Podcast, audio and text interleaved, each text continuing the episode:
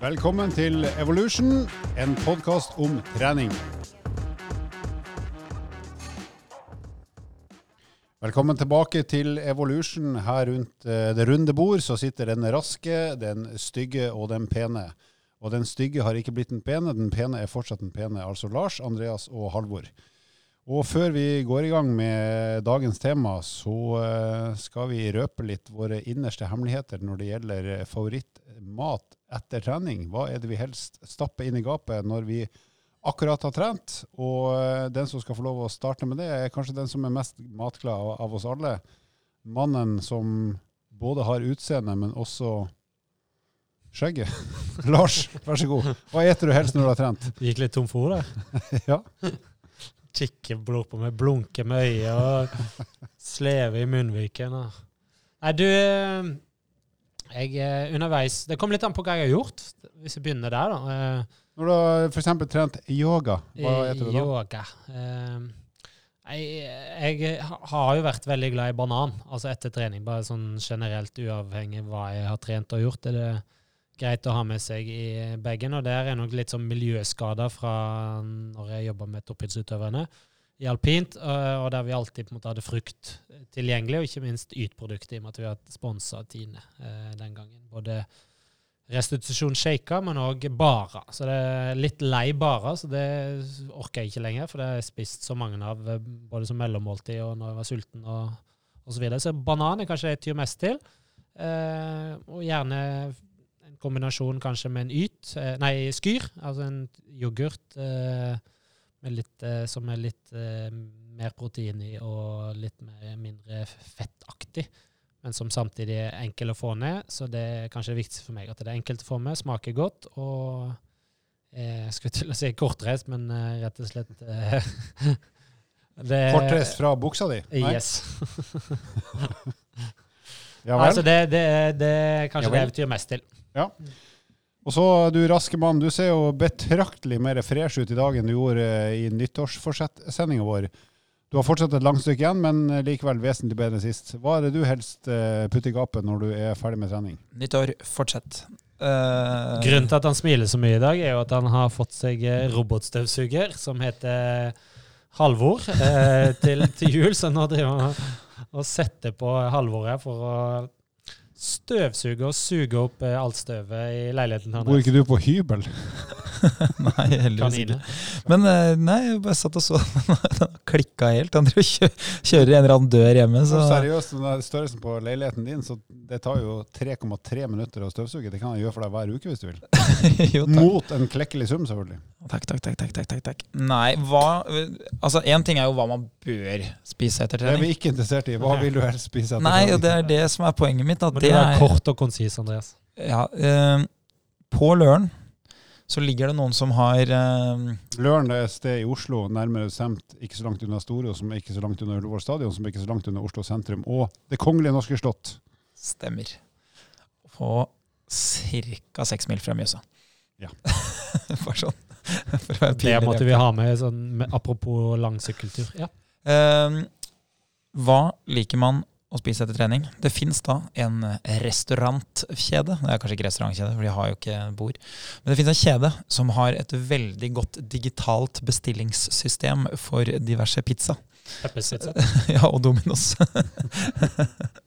Så jeg kan jo si det sånn at det, Én En ting er hva jeg tror jeg gjør, men eh, en annen ting er hva jeg faktisk gjør. Og flertallet av de kveldene hvor samboeren min jobber kveld som sykepleier, hvor jeg har trent, og da skal stå for middagen selv, de har en tendens til å innebære en tur på Dominos, faktisk.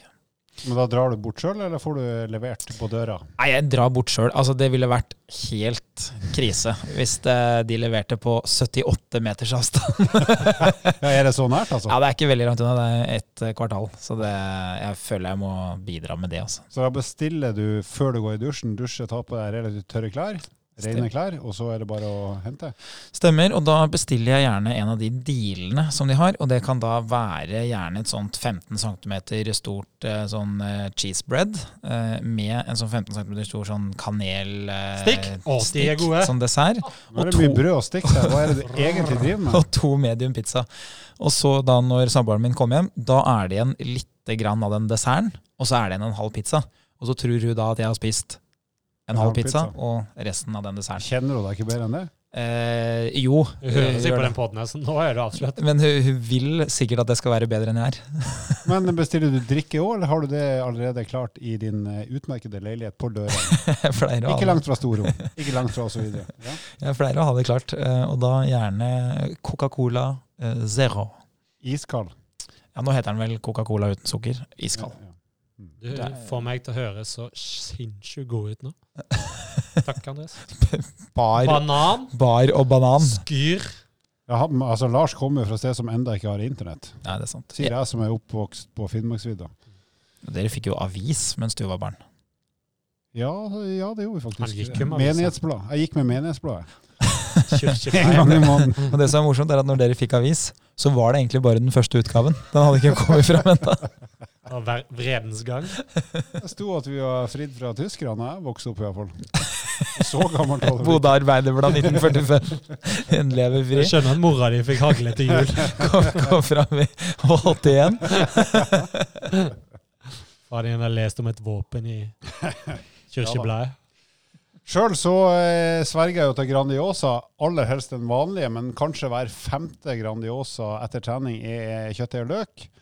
Og av og til så er det en sånn pepperoni spesialvariant som jeg også tyr til. Men eh, jeg trener jo ofte hjemme, så når jeg da er vet at ok, om eh, ca. 15 minutter er jeg ferdig med økta, så stikker jeg opp trappa og skrur på ovnen, så den kan begynne å varme seg. Og så trapper jeg ned eller gjør det jeg skal eh, for å avslutte økta. Og så jeg er ferdig med økta, og så slenger jeg pizzaen i ovnen, og så går jeg og dusjer, sånn at jeg ettersvetter og er klar når pizzaen kommer ut etter 11 og et halvt minutt. Er Da er livet fullkomment. er det akkurat den tida den, Da er den perfekt? Da er den perfekt i vår ovn. Har du noen annen topping på?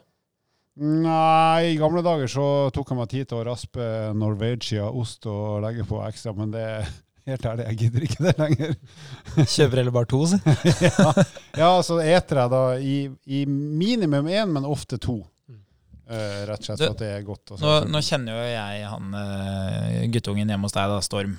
Okay. Jeg tror at hvis du skal lage et minneverdig øyeblikk uh, for Storm, så, så tror jeg du skal følge et forslag som en kompis av meg hadde. En tredje kompis av oss jobba på Peppes. Og så ytra han et ønske. da, Det var bursdagsønsket hans. Og det var Kan ikke du en gang lage en pizza til meg hvor du setter hamburgere på pizzaen?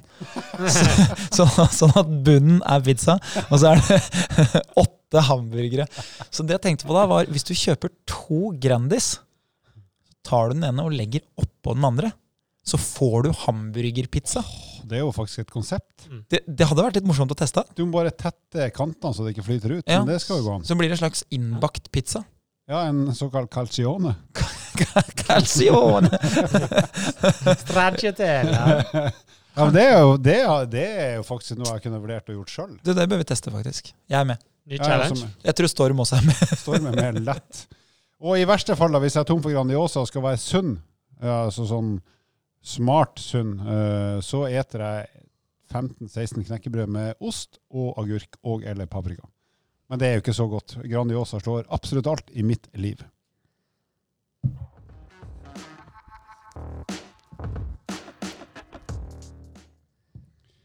Ja, og det er ikke så lenge siden vi var ferdig med nyttårsfeiring, eh, så vi tenkte at vi skulle gå litt videre i det her med å hjelpe folk i gang med trening nå i januar. Altså januar 2021. Og vi vet jo det at eh, noen plasser i Norge så er treningssentrene stengt fortsatt. Blant annet her i Oslo og omegn så er det ikke lov å være innendørs og trene på treningssenter, mens andre plasser i Norge så er treningssentrene åpne. Så vi tenkte vi skulle gå gjennom de tre vanligste kategoriene av kall det treningsmål for de som begynner å trene i januar, eller for så vidt hvis du har trent før òg. Og se litt på hva kan du gjøre da innendørs, utendørs, hjemme, på treningssenter hvis det er åpent, og eventuelt eh, hva kan du gjøre sammen med en PT eller sammen med andre. Så vi tenkte vi skulle dele inn i tre hovedkategorier av målsetninger. Det er da eh, de som vil forbedre kondisjonen, enten løping, ski, sykkel, hva som helst, men altså kondisjonsrelaterte mål. Så har vi styrkerelaterte mål, eh, og så har vi de klassiske vektreduksjonsmålene som også er ganske hyppige nå i januar og utover vinteren. Så vi eh, går da rett og slett i gang med eh, kondisjonsrelaterte mål. Og i og med at vi har én her som er åpenbart mye raskere enn de andre til å i hvert fall løpe Ja, da i fritt fall Det var derfor han Lars tok ordet. Så tenkte vi at eh, du Andres kunne få dra oss litt igjennom. Hva er det som er lurt å tenke på når du går i gang med trening og har kondisjon som ditt hovedmål i 2021? Uh, nå har jeg faktisk hatt noen samtaler allerede i, uh, i jula og sånn om trening. Det blir jo ofte sånn uh, ettersom jeg jobber med det og Bestemora di, ikke? Som bor i motbakken i Trøndelag? ja, stemmer det. Ja, hun har heldigvis ikke prata så mye trening med, faktisk. Har du blitt sjekka opp forresten i romjula? Nei, altså vi prata litt om det, da, men det der er tydeligvis uh, det, det der er ramme alvor, det, selv om du er 85, så det der er ikke lov å snakke om, nesten. Nei, for Vi nevnte jo det i podkasten at det var muligheter for eh, unge ungkarer på 70 pluss, 60 pluss. Stemmer det. Det har ikke skjedd noen ting. Nei, kanskje vi må gå, gå ut litt bredere. Kanskje vi må ut av podkasten. Kanskje Det er jo ingen under, nei, over 60 som hører på podkast, kanskje. Kanskje ikke. Kanskje det er det som er uh... Hvis det er noen over 60, så må de sende det inn. så, så det du sier er at når hun blir et brev til oss hvis du er over 60 og hører podkast. Ja, Så du sier at når hun blir 90, så plutselig dukker det opp lyttere som Ja, for da hører de på ti år gamle episoder. Fra da de var 50. Jeg lurer på hva Grandiosa er om tida. Da er det bare å banke opp i motbakkedraget i eh, Trøndelag, og så er I Hummelvika. bestemorsetten er klar. ja. ja, nei, utholdenhet. Det som er fordelen da med å jobbe med trening, det er at trening angår på en måte alle. Eh, Det som er baksida med å jobbe med trening, er jo at du blir til å prate om trening med alle. eh, Enten du vil eller ikke. Heldigvis så syns vi det er veldig eh, interessant, og det er jo ofte ganske spennende. Fordi for mange så går det opp et, et lys, og de får kanskje litt bedre opplevelser med fysisk aktivitet.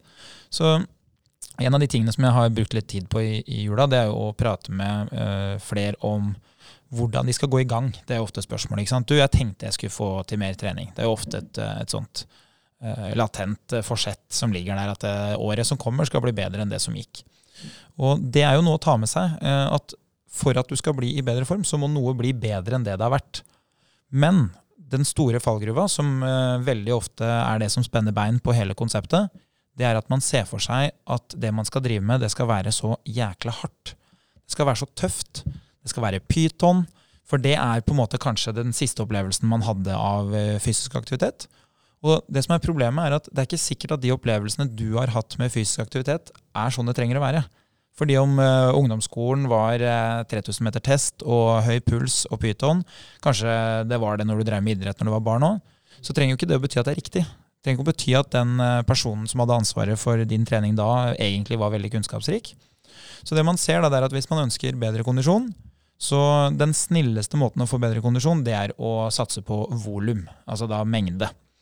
Og det man må spørre seg om da, er hvilken tilstand er jeg og hva kan jeg velge som kan vare lenge? For de aller fleste som ikke har drevet med noe særlig fysisk aktivitet, så betyr det at løping det utgår ganske kjapt. Løping er en veldig fin treningsform, men det vil være en treningsform som gjør at du kan ha høy puls, og som vil gi deg bedre kondisjon, da høyere oksygenopptak. Men hvis målet ditt er å skulle ha det litt ålreit og bli bedre gradvis, så ville jeg ha gått for noe som kanskje ikke har så eh, høy intensitet. Du slipper liksom den der kjempetøffe starten. Da ville jeg ha valgt noe som varer lengre. Og da ville jeg tenkt ok, hva driver jeg med i dag som, som jeg kan holde på med en stund? For de fleste så betyr det hvis man går eh, tur i litt variert terreng, der man går litt fort og går litt i motbakke og sånn, så vil det gi en mer enn høy nok puls og stor nok belastning på kroppen til at du blir i bedre kondisjonsform på sikt. Eh, Hvis du vil ha andre alternativer, så kan det fort hende at eh, det å sykle gjør at du kan holde på i over en time, mens du kunne ha jogga i seks minutter, kanskje, i, i strekk. Mens hvis du da velger langrenn, så vil du òg kanskje kunne gå på ski i én time, én time og ti, én time og 30. Men Løper du, så kanskje du kunne bare løpt i seks minutter, som jeg sa. Så derfor så er det kjekt å velge noe som varer, fordi varighet slår nesten alltid intensitet. Med mindre du har litt treningserfaring. Og med en gang du er i form til å holde litt varighet, så kan du begynne å legge inn intensitet. Så da ville jeg begynt med noen type intervall, og da er det egentlig ett fett hva du gjør. Om du holder på i ti minutter i strekk, eller om du holder på ti ganger ett minutt, eller om det er 20 ganger 30 sekunder. Men en regel er at det må være litt varighet også på høy intensitet. Så når du plusser sammen alt det du har gjort, hvor du har hatt høy puls, så bør du, eh, du bør nok passere en åtte-ti minutter for at det skal gi noe særlig effekt på hjertemuskelen. Så det du sier er at det, de aktivitetene og bevegelsesformene som er lurt å velge, det er enten noe du behersker bra teknisk, for, for det i seg sjøl gjør at du kan holde på ei viss tid, eller, eller velge ting du er i form til å faktisk kunne gjøre ganske mye før det tar slutt. Ja, og ofte så ting som man kan høre da, hvis man jobber med, med trening og, og, får en del tilbakemeldinger, så er det sånn Svømming det har jeg hørt at det er skikkelig bra trening. Ja, det har jeg òg hørt. Ja, ikke sant? Eller så kan det være sånn Ja, langrenn er jo det beste. Det har jeg òg hørt. Ja, ikke sant? Og sannheten er Det veit jeg. Ja, ikke sant? Sannheten er at uh, det beste, det er det du gjennomfører. Uh, og så ville det vært sånn at hvis du måler den beste i en idrett opp mot den beste i en annen idrett, så vil du kunne se hva som gir høyest forbrenning. Så hvis du skal måle etter forbrenning, så ja, da kanskje man begynner å snakke om at løping er det aller beste, for da kan man bruke mest oksygen per minutt og holde på veldig lenge. Men hvis jeg skal begynne med noe i dag, og jeg aldri har gått på ski, og jeg aldri har svømt, så vil jeg påstå at svømming og skigåing, det er absolutt ikke det beste. Det er kanskje noe av det dummeste jeg bør bruke tida mi på. Fordi hvis du kaster meg i bassenget nå og ber meg å svømme til det ikke går mer, så kommer ikke det til å ta mer enn 10-15 minutter det, før jeg er helt kjørt. Mens hvis du gir meg et par sko og sier ja, du kan gå så lenge du orker, så kan det godt hende jeg kan gå i fire-fem timer ja, før jeg har ordentlig gnagsår og vondt i knær og hofter. Så det det handler om, er å velge noe du kan gjennomføre én ganske lenge. Det trenger ikke å være altså Vi snakker ikke fire-fem timer, men en halvtime, en time, kanskje litt over en time. Og så må det være noe du kan gjenta flere ganger. For problemet med å øh, velge et eller annet som er veldig tøft for kroppen, f.eks. løpe Så at du klarer å løpe da i, i 50 minutter, men du har, ikke, du har, ikke, løpt noe i hele 2020. Da er det ikke sikkert at kroppen er veldig klar for å ut og jogge igjen i morgen. Så løping er veldig fint for, for hjertet og for, øh, for, kroppen, men det er veldig høy belastning. Så start med noe du øh, kjenner til, noe du kan, og så velger du varighet framfor intensitet.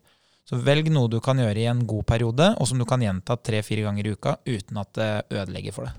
Dette er jo ting som egner seg selvfølgelig både innendørs og utendørs, og sånn sett er det uavhengig om treningssenteret er åpent eller ikke. Men er det noe, hvis man har et kondisjonsretta mål, er det noe du kan gjøre hjemme, da, enten som supplement til hovedaktiviteten eller som selve hovedaktiviteten, altså som hjelper? Altså trene hjemme i huset ditt eller leiligheten din som hjelper for kondisjonsrelaterte mål? Ja, det, altså Bortsett fra ei tredemølle, hvis, hvis, du ikke har sånt utstyr hjemme. da. Men, nei, Hvis du ikke har noe som helst utstyr hjemme, så, så, begynner det jo å bli vanskeligere å opprettholde høy puls over tid. Eh, så det er jo det ene, at det kan bli vanskelig å få den der eh, høye intensiteten. Men det kan òg være vanskelig å få varigheten. Så det man ser, da, at man kanskje kan velge en del styrkeøvelser. Eh, men så må man ta bort det aspektet som gjør at styrke er tungt. Så man kan ikke velge styrkeøvelser som, eh, som, er veldig bra for å bli sterk. Man må velge styrkeøvelser som er bra for å gjøre mange repetisjoner. Så f.eks. Eh, litt sånne juksete spensthopp kan være en, en, variant. Da bruker du jo eh, store muskelgrupper, mange muskler. Og hvis du jukser litt, så gjør du det ikke så tungt for låra. Mens hvis du f.eks. hadde valgt ordentlig knebøy uten vekt eller utfall, så vil det for min del hvert fall være sånn at etter at jeg har tatt et par hundre sånne repetisjoner, så, så klarer jeg ikke å stå snart. Og, og, da blir det jo ikke noe jobb for hjertet. Da er det jo låra mine som får det. Samtidig så har du jo andre øvelser som, som er ofte skånsomme for musklene, men tunge for, uh, for, kondisjonen. Og det kan jo være typisk sånn burpees. Eller hvis du velger veldig mange sånne snevre, enkle øvelser, f.eks. Eh, situps, du velger um, en eller annen form for sånn rygghev, så kan du jo da lage deg en sirkel hjemme med Hvis du har nok øvelser, si at du har seks øvelser, åtte øvelser, så får du jo god pause på den muskelen før du skal gjennomføre den samme øvelsen igjen. Og da vil du kunne holde ganske grei eh, belastning da, på, på, hjertemuskelen samtidig. Men det du frasier deg når du gjør det, det er jo den fine utviklinga på muskulaturen. Hvis du ikke har trent før, så vil du bli sterkere. Så, så det er egentlig en genial måte å gjøre det på. Men hvis du har trent litt styrke, og så begynner med det her, så, så blir du ikke sterkere. Det blir du ikke. Bra, og la oss da skli eh, ganske elegant over til eh, de lytterne som har styrkerelaterte mål i 2021. Hva kan de tenke rundt eh, treninga og legge opp eh, styrketrening både hjemme og på treningssenter, inne, ute osv. Og da tenker vi primært på de som kanskje begynner å trene nå i januar, men også selvfølgelig de som har holdt på før, og som kanskje går i gang igjen nå.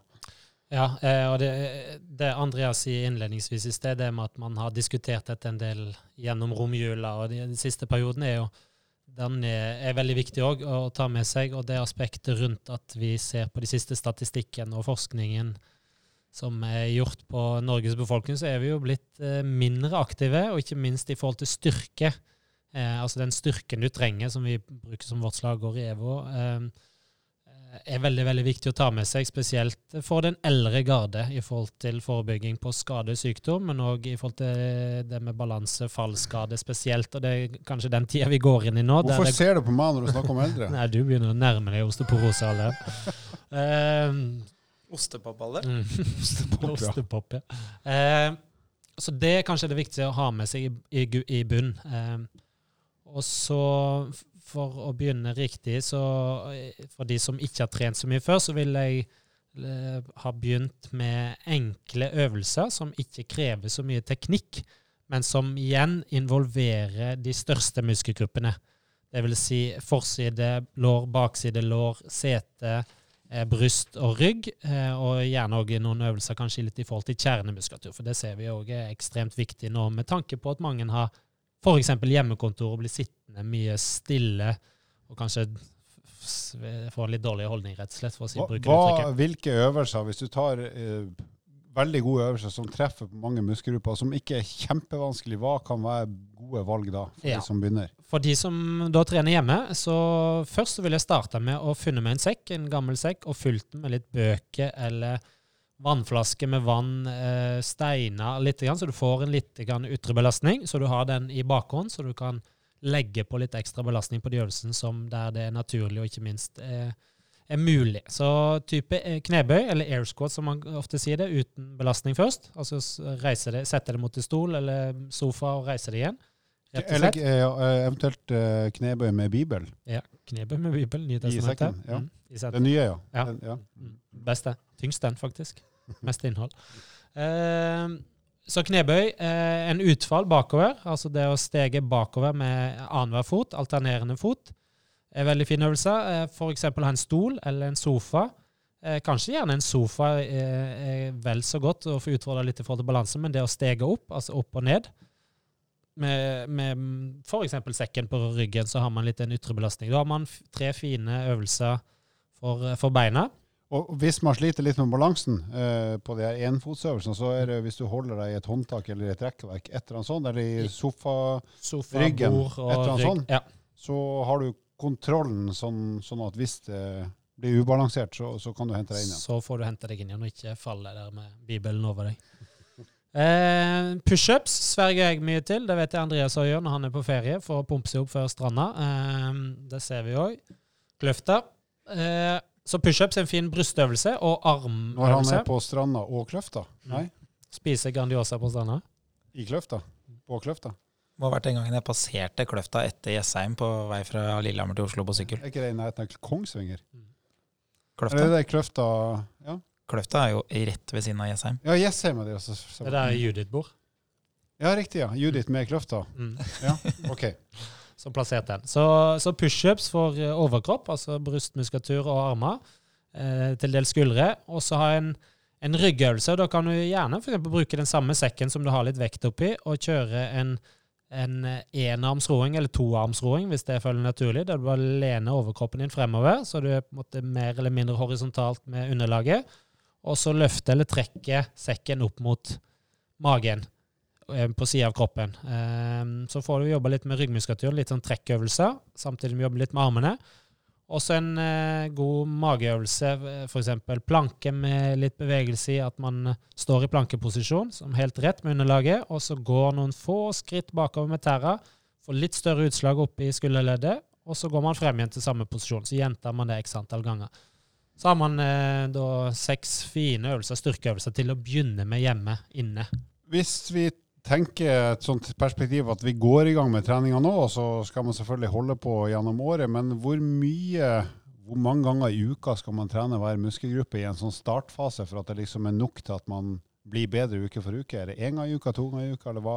Jeg ville hatt prøvd som en tommelforregel i hvert fall hatt fått to økter. Det, det ser vi jo på en måte eh, gir resultat. Eh, både i form av eh, fremgang, men òg i, i forhold til styrken og i forhold til det med å forebygge.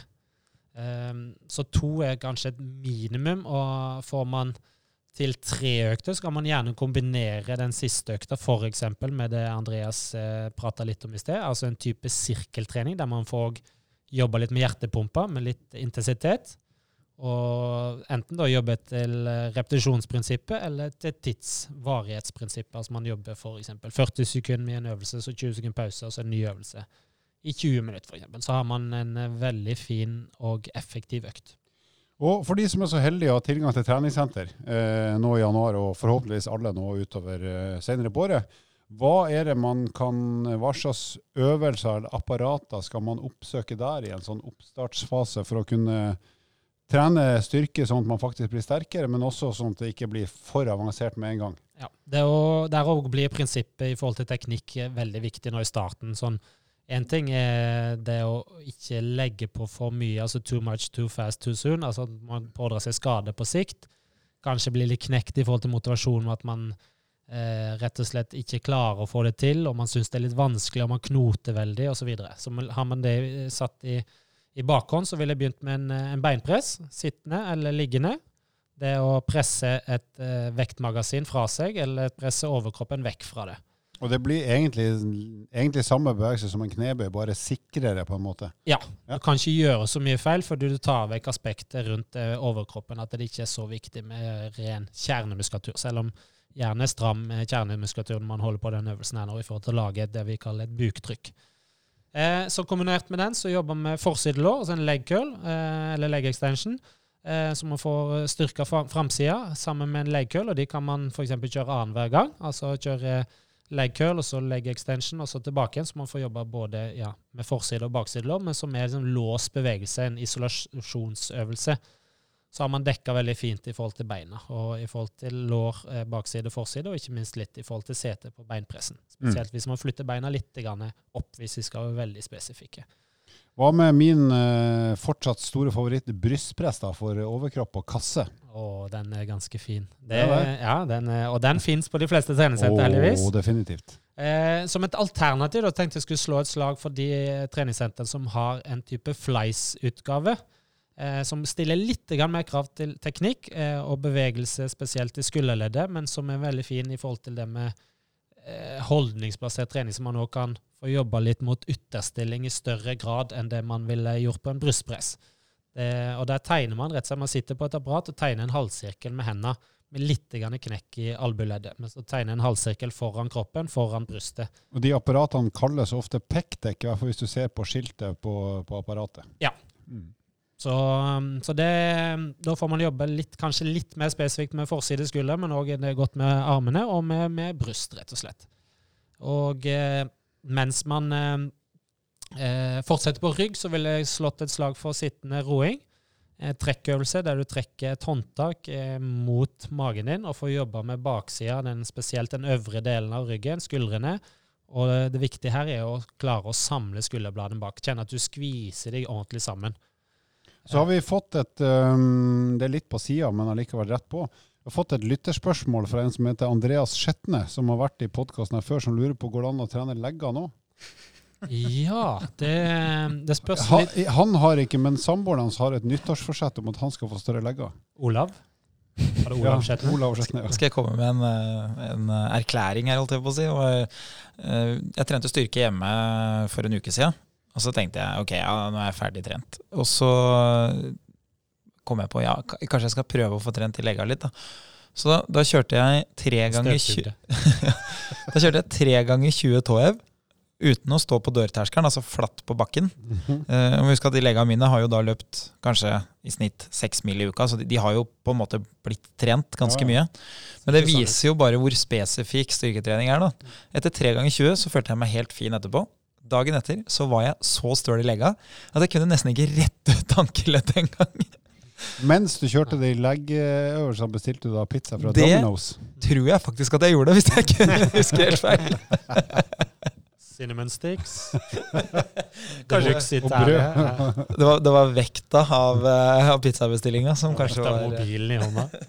Nei, så legge Ja, man kan slå et slag for det, men da vil jeg heller slå et slag for hvis man skal drive med leggtrening og som forebyggende trening, rett og slett, så gjør det mens du pusser tenna.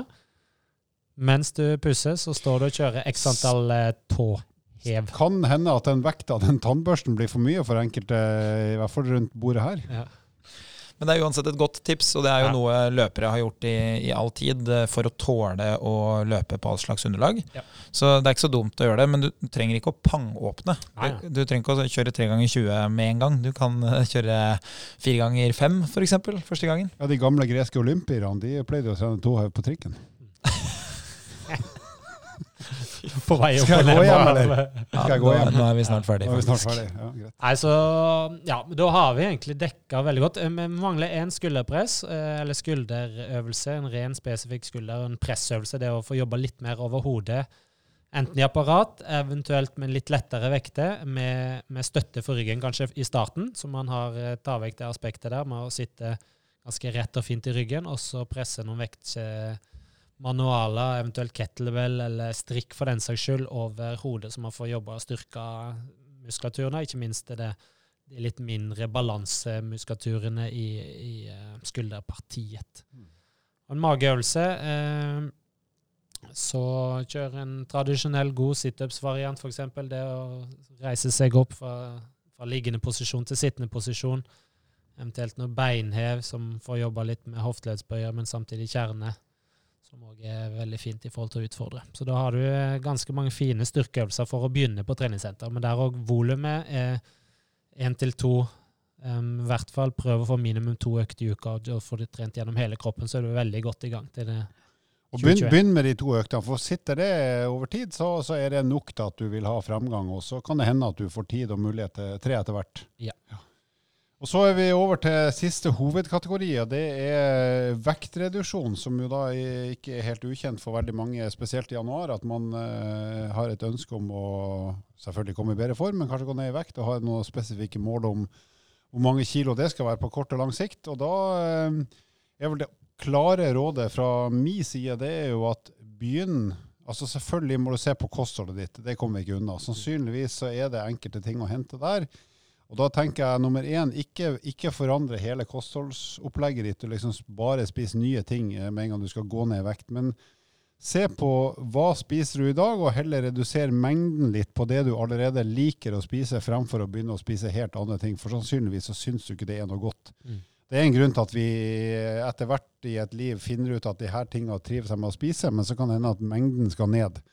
Og så pleier de fleste altså å ha én eller to ting vi kanskje eter litt mye av, som kan være mellommåltid eller noe snop, snop på kvelden, som hvis vi tar bort det, så kan det alene være nok til at du kommer i energiunderskudd, og da begynner plutselig vekta å tusle nedover ganske, ganske fort.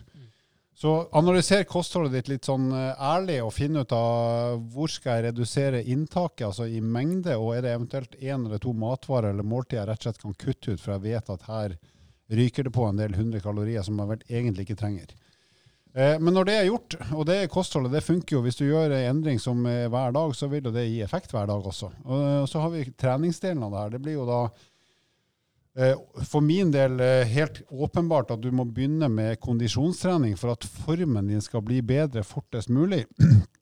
Og med det så betyr ikke det at du med en gang du begynner å trene kondisjonen, kommer til å blåse av gårde tusenvis av kalorier i, i kaloriforbruk, for det kommer du ikke til å være i form til. Men etter hvert som formen din blir bedre, så vil du være i stand til å forbrenne mer og mer i treninga, rett og slett for at formen blir bedre, sånn at du kan yte mer i treninga, og derigjennom forbrenne mer og mer. Og da vil treningselementet i livsstilsendringene de betyr stadig mer i forhold til det her med å skape det energiunderskuddet som trengs for å gå ned i vekt. Sånn Andreas snakka litt om det på kondistrening òg. Ja, løping er sikkert topp, det, men hvis du klarer å løpe i fem minutter, og så er økta slutt, så blir det ikke så mye. Så, så, kanskje det å begynne å gå, gå fortere og fortere og fortere etter hvert som formen kommer, kanskje gå i motbakke for å bli skikkelig sliten og faktisk gjøre en større jobb hvis det går flatt. Og så etter hvert er du i stand til å begynne å jogge litt, og så gå. Og så jogger du mer og mer, og etter hvert så er du kanskje i stand til å jogge sammenhengende i både 30, 40 og 50 minutter. Og da begynner kaloriforbruket og gå ordentlig i taket. Og da, da betyr treningsdelen ganske mye i det totale energiregnskapet per døgn. Så da har du i beste fall da gjort kostholdsgrep som funker hver dag, og så har du gjort treningsmessige grep som gjør noe med formen din, som gjør at du er i stand til å trene med så høy intensitet at forbrenninga også blir høy. Eh, så det er hovedelementet. Begynn med kondisjonstrening, og gjør det gjerne minst to ganger i uka, sånn at du blir eh, andpusten. Så tren, tenk at minst to ganger i uka så skal jeg være skikkelig sliten i minst 15 minutter. Eh, og da kan de 15 minuttene deles opp i f.eks. fem ganger tre minutter, eller to minutters med, med pauser imellom. Men sånn at du i sum får 15 minutter med hard jobbing i, i hver av de to øktene. Og så kommer hverdagsaktiviteten i tillegg, og den kommer hver dag. Det er derfor det heter hverdagsaktivitet. Hver eneste dag, også lørdag og søndag, så holder jeg i gang i minst én klokketime med gange, sånn totalt sett i løpet av døgnet. Det, det er fullt mulig å få til, og vil bety ganske mye. Uh, og Så spør de ok, hva med styrketrening, må vi ta vare på muskelmassen? Og ja, helt enig i det. Så der vil jeg tenke at de øvelsene du foreslår, Lars, er veldig gode øvelser.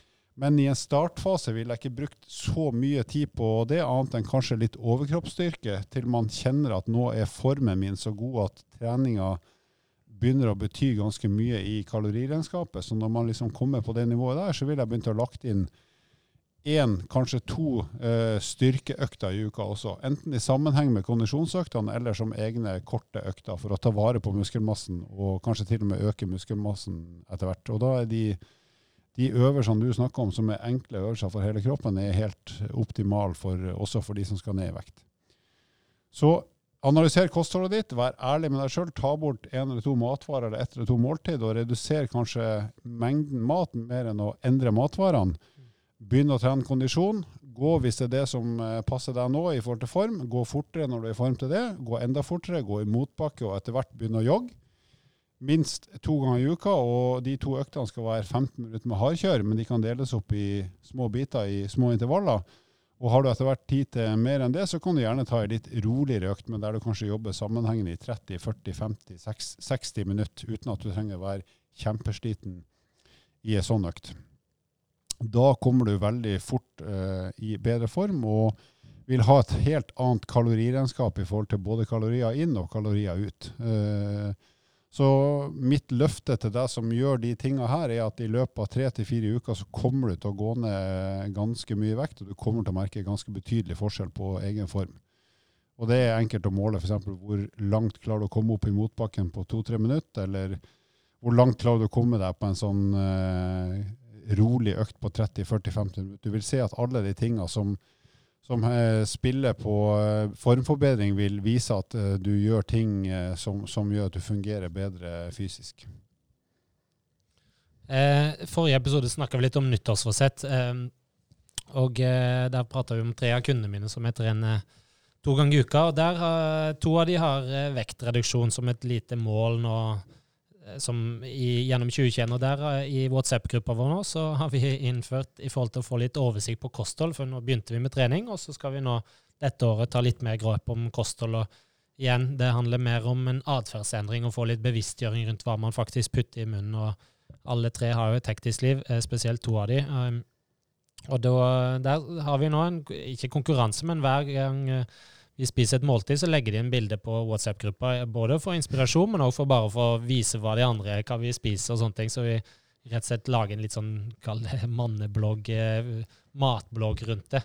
Uten at det skal ut eh, noen sted, men bare for å eh, si, eh, jobbe sammen mot et mål, da, hvis man har flere som har samme målsetning. Apropos ren fettforbrenning, en vektreduksjon var vel mer uh, ordet. Har det funka, da? Så at har folk skjerpa seg litt? Ja, nå har det gått fem dager inn i januar, og i dag tidlig så kom det et bilde. Jeg kan jo vise dere, så kan dere se det. Men uh, da kom det frokosten til han ene inn på, på bordet her.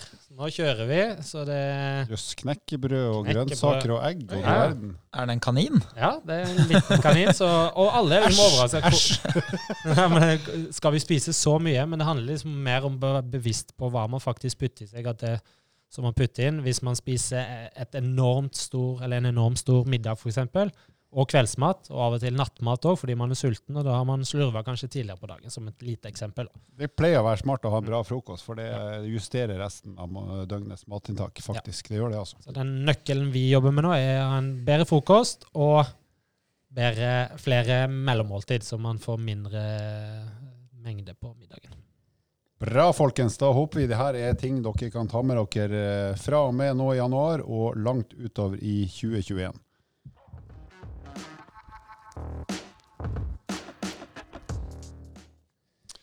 Og i eh, vår eh, knallsterke spalte Fun facts så har eh, vi i dag eh, tenkt å informere om eh, verdensrekorden i tunge. Altså eh, lengste tunge som er målt på et menneske. Oi. Og den som innehar rekorden han, han har sikkert trent lenge for å få så lang tunge. Han heter Nick, kalles The Lick. Nick The Lick. Støberl, og han er fra California. Ja, burde. Han er nok tyske aner. Fra sånn eh, 1940-41-tallet, tenker jeg. Fra California. Hans tunge er faktisk så lang som 10,10 cm. Det er lenger enn han der vokalisten i Kiss for de som levde på 70-, 80- og tidlig 90-tall. Så 10,10 cm er lengden på tunga til Nick the Lick fra California. Den tunga er så lang at han faktisk kan pelle seg i nesa med tunga. Eller slikke seg i nesa, som eh, han kanskje gjør. Ganske ekkelt å tenke på, og jeg er faktisk glad for at jeg ikke har så lang tunge, for da hadde jeg ikke klart å snakke så fort som jeg gjør akkurat nå. Og han rekker ikke tunge i dette programmet. Takk.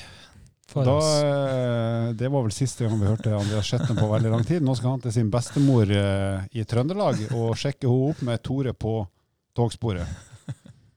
Sayonara. Abonner eh, på podkasten vår, og send oss gjerne spørsmål via treningsbloggen Evolution eller på Instagram.